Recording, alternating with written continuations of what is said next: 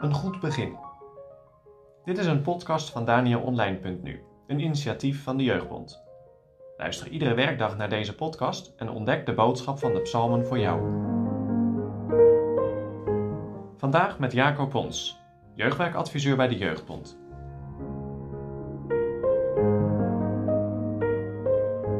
Vandaag lezen we Psalm 46. Crisisbestendig. Een lied op Alamoot voor de opperzangmeester onder de kinderen van Korach. God is ons een toevlucht en sterkte. Hij is krachtig bevonden een hulp in benauwdheden. Daarom zullen wij niet vrezen, al veranderde de aarde haar plaats en al werden de bergen verzet in het hart van de zee. Laat haar wateren bruisen Laat ze beroerd worden. Laat de bergen daveren door derzelfde verheffing. Sela.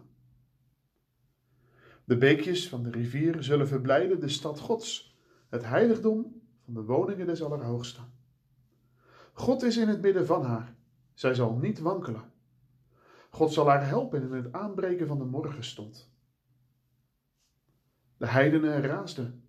De koninkrijken bewogen zich. Hij verhief zijn stem de aarde versmolt. De Heere der Heerscharen is met ons.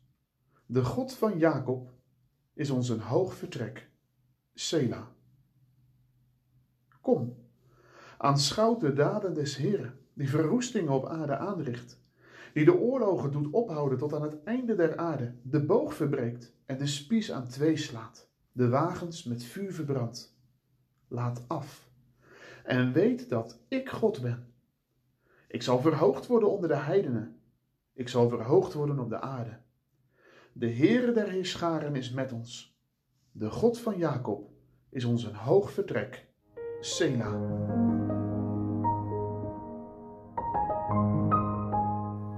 Als je de verhalen van Maarten Luther leest of hoort, dan kan zomaar het idee ontstaan dat hij een soort heilige was.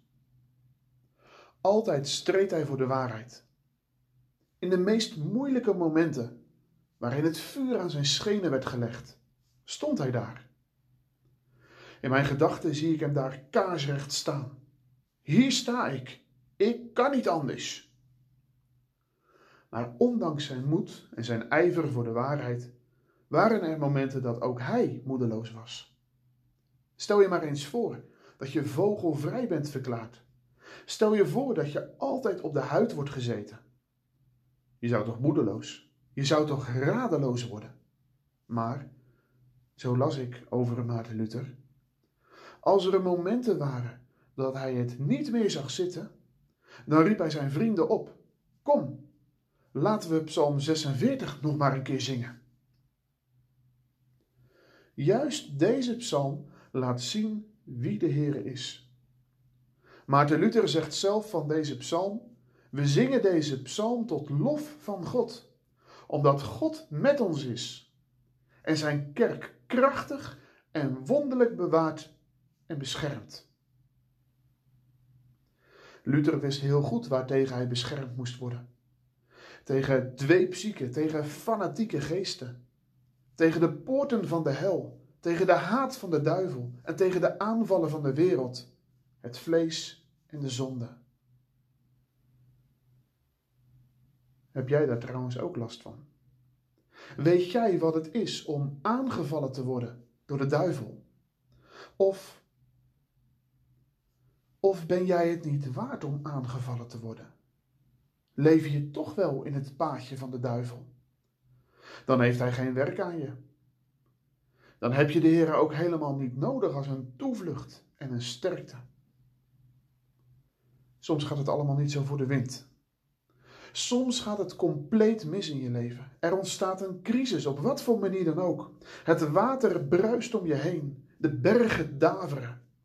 Maar te midden van deze crisis zingt deze psalm: God is ons een toevlucht en een sterkte, ten zeerste krachtelijk bevonden een hulp in benauwdheden. Moet je dat eens tot je door laten dringen. Een magistraal begin van deze psalm. Bij God is de dichter veilig. En daarom is hij niet bang. Daarom zal hij niet vrezen. Ken jij crisis in je leven? Heb je nood? Heb jij last van wie je bent voor God? Mag ik je dan een vraag stellen? Is de Heere erbij? Staat de Heere in een hoekje van je leven? Krijgt de Heere een klein plekje en de rest van je leven wordt ingenomen door alles van jezelf? Voor deze zanger in Psalm 46 staat de Heere in het middelpunt van zijn leven. God is in het midden van haar. Ze zal niet wankelen. Dat is de les voor jou en voor mij vandaag. Alleen als Hij alles voor jou is, dan is Hij voor jou een toevlucht en een sterkte. Als jij een levende relatie hebt met Hem, als je weet dat je Zijn eigendom bent, dan ben je veilig. Dan kan elke crisis over je heen komen. Maar dan zal het je niet raken.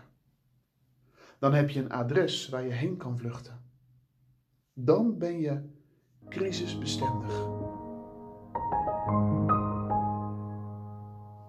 Op welke manier staat de Heer vandaag in het middelpunt van jouw leven? En waaruit blijkt dat?